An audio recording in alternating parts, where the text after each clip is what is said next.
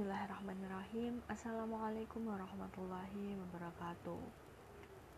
Halo apa kabar teman-teman semua? Semoga teman-temanku semua dalam keadaan sehat walafiat.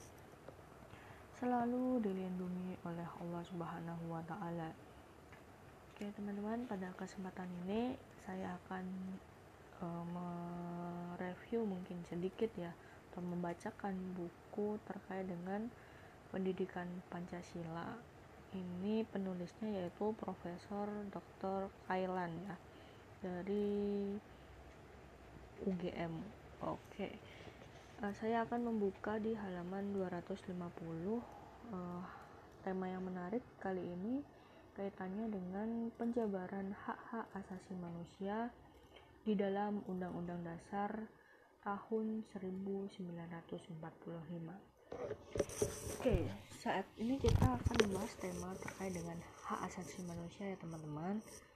Oke, apa itu hak asasi manusia? Nah, sebenarnya hak asasi manusia itu tidak dapat dipisahkan dengan pandangan filosofis tentang manusia yang melatar belakanginya. Dalam Pancasila sendiri, eh, Hakikat manusia adalah tersusun atas jiwa dan raga, kedudukan, kodrat sebagai makhluk Tuhan dan makhluk pribadi. Adapun sifat kodratnya sebagai manusia adalah sebagai makhluk hidup eh, yang makhluk individu dan makhluk sosial. Dalam pengertian inilah maka hak-hak asasi manusia tidak dapat dipisahkan dengan hakikat kodrat manusia tersebut. Artinya apa konsekuensi dalam realisasinya maka hak asasi manusia senantiasa memiliki hubungan yang korelatif artinya saling keterhubungan dengan wajib asasi manusia. Oke, menariknya. Wajib asasi manusia dan hak asasi manusia. Karena sifat kodrat manusia itu sebagai makhluk individu dan juga sekaligus makhluk sosial. Oke, dalam rentang berdirinya bangsa dan negara Indonesia, uh, di dalam kenyataannya secara resmi deklarasi, uh, mendeklarasikan bangsa Indonesia telah lebih dulu dirumuskan dari Deklarasi Universal Hak, Hak Asasi Manusia PBB karena pembukaan Undang-Undang Dasar 1945 dan pasal-pasalnya ini diundangkan tanggal 18 Agustus 1945 teman-teman. Oke, adapun deklarasi PBB itu pada tahun 1948. Nah, ini menarik teman-teman. Hal ini merupakan fakta ya pada dunia bahwa bangsa Indonesia sebelum tercapainya pernyataan hak-hak asasi manusia, eh, dunia PBB telah mengangkat hak-hak asasi manusia dan melindunginya dalam kehidupan negara yang tertuang dalam Undang-Undang Dasar tahun 1945. Ah, nah, hal ini juga ditekankan oleh para pendiri bangsa ini, Bapak proklamator juga Bapak pendiri bangsa ini. Misalnya pernyataan Bapak Muhammad Hatta dalam sidang BPUPKI. Oke, saya bacakan teman-teman. Walaupun yang dibentuk itu negara kekeluargaan, tetapi masih perlu ditetapkan beberapa hak dari warga negara Agar apa? Agar jangan sampai timbul negara kekuasaan. Maksud yaitu negara penindas. Ini dalam bukunya uh, Yamin uh, dikutip dari bukunya Yamin pada tahun 1959 di halaman 287 sampai 289. Wah, keren sekali ya teman-teman. Oke, Deklarasi Bangsa Indonesia pada prinsipnya termuat dalam naskah pembukaan Undang-Undang Dasar 1945 dan juga pembukaan Undang-Undang Dasar inilah yang menjadi sumber normatif bagi positif uh, bagi hukum positif Indonesia terutama penjabaran dalam pasal-pasal undang-undang tahun 1945 oh ya teman-teman sekedar informasi bahwa walaupun Indonesia ada hukum positif namun tidak ada hukum negatif ya teman-teman. Besok kita akan bahas terkait hukum. Oke kita lanjut dalam pembukaan Undang-Undang Dasar 1945 di alinea 1 dinyatakan bahwa kemerdekaan adalah hak segala bangsa. Oke, dari kutipan tersebut terkandung pengakuan secara yuridis tentang uh, kemerdekaan uh, atau hak asasi manusia sebagaimana tercantum dalam deklarasi Deklarasi Universal Hak-Hak Asasi Manusia PBB Pasal 1.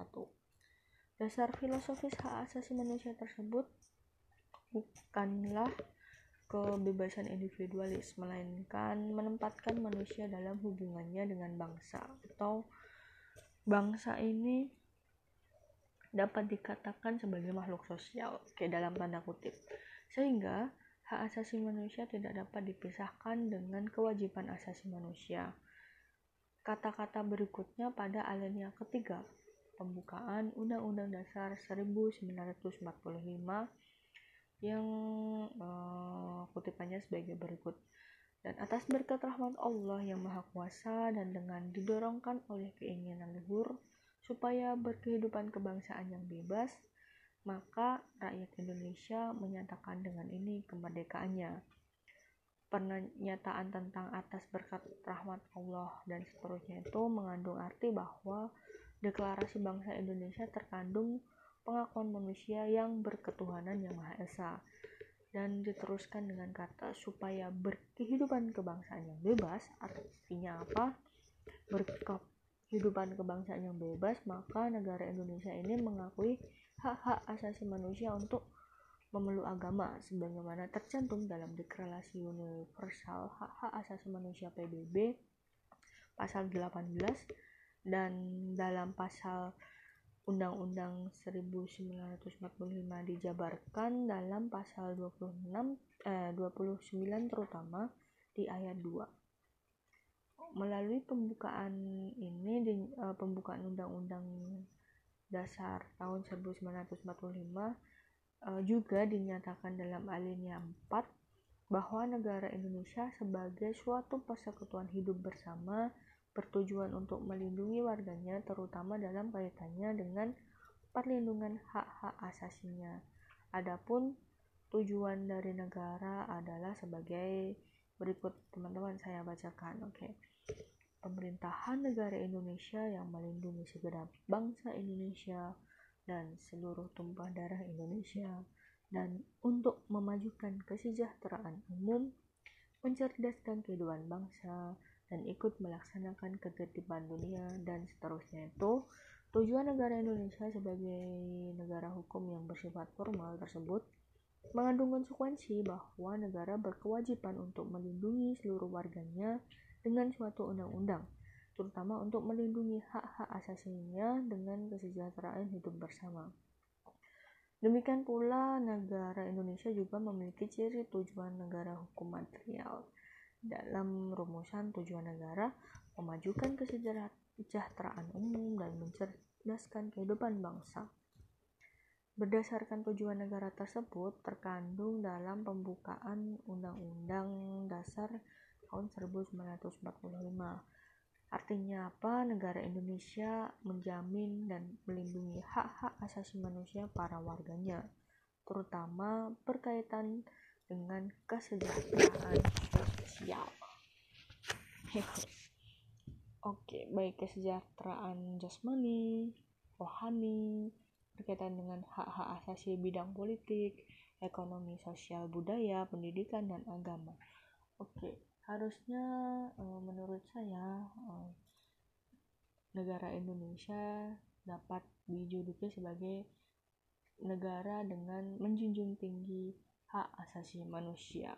Oke, sekian teman-teman uh, buku yang dapat saya baca. Mungkin uh, besok saya akan melanjutkan kembali.